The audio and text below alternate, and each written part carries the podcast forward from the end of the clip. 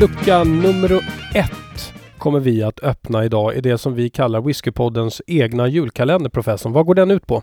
Jo, vi tänkte att det vore en jättekul idé om vi gör små mikroavsnitt där vi testar en whisky varje dag i en lucköppning som inte alltid är känd för båda oss vad det är döljer sig bakom luckan. Nej, för det stämmer för att vi har jobbat lite med halva listan var och vissa har vi bollat en del om och eh, får väl säga att vissa har väl en koppling till det datumet de är satta på och vissa har en lite mer långsökt koppling. Jag tänker framförallt på dina.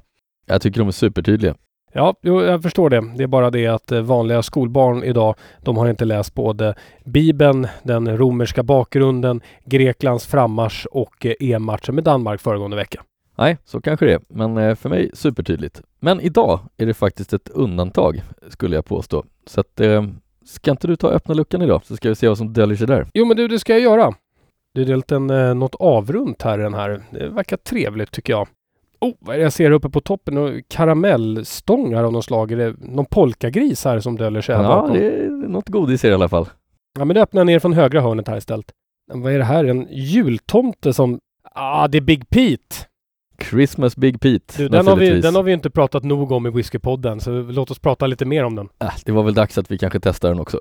Ja, det, det kanske faktiskt är. Big Pete, eh, de gör ju vanligtvis en eh, Vetted Malt som, som kommer ut som standardutgåva som finns på Systembolaget. Men en gång per år så gör de Christmas Edition. Den är lite speciell för att det är det som de kallar Natural Cask Strength. Precis, det är en vatted malt i cask strength och det hör ju inte till vanligheterna i sig. Men eh, det är ju inte vilka whiskys som helst som är med i den här. Nu har vi tjatat om det så många gånger men äh, det tål att tjata om en gång till.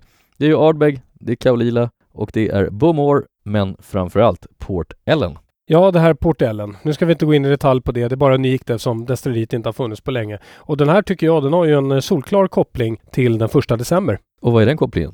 Att vi ville ha den idag. Den är en bra koppling. Vi har varit sugna på den länge. Ska vi pröva den nu? Ja, nu tar vi och Ja, det provar. är bra, bra. Mm. Det här är som en, det är som en rundresa på Ayla. Jaha. Som en härlig liten karusell. Han åker ju lite här på framsidan också ser jag utav, utav flaskan. Han är ute på resa. Du, kommer tomten ifrån eh, Ayla eller?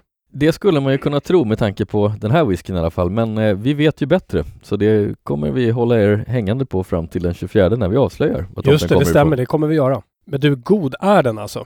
Mm. Den kombinerar de här ganska bra. Den enda jag måste säga att jag har lite svårt att känna utav Ardbeg, Kalil och alla de här. Det är väl Bowmore egentligen som jag tycker är lite avsaknad. Men nu ska det vara tredje ingrediensen. Ardbeg ska ju vara det som är mest av och sen Kaolila och sen Bowmore. Så att, Och Port Ellen misstänker ju väldigt, väldigt små kvantiteter. mm. Det, det är inte billig whisky. Och den här är ändå ganska billig. Så. Men billig i pris, men inte billig i smak.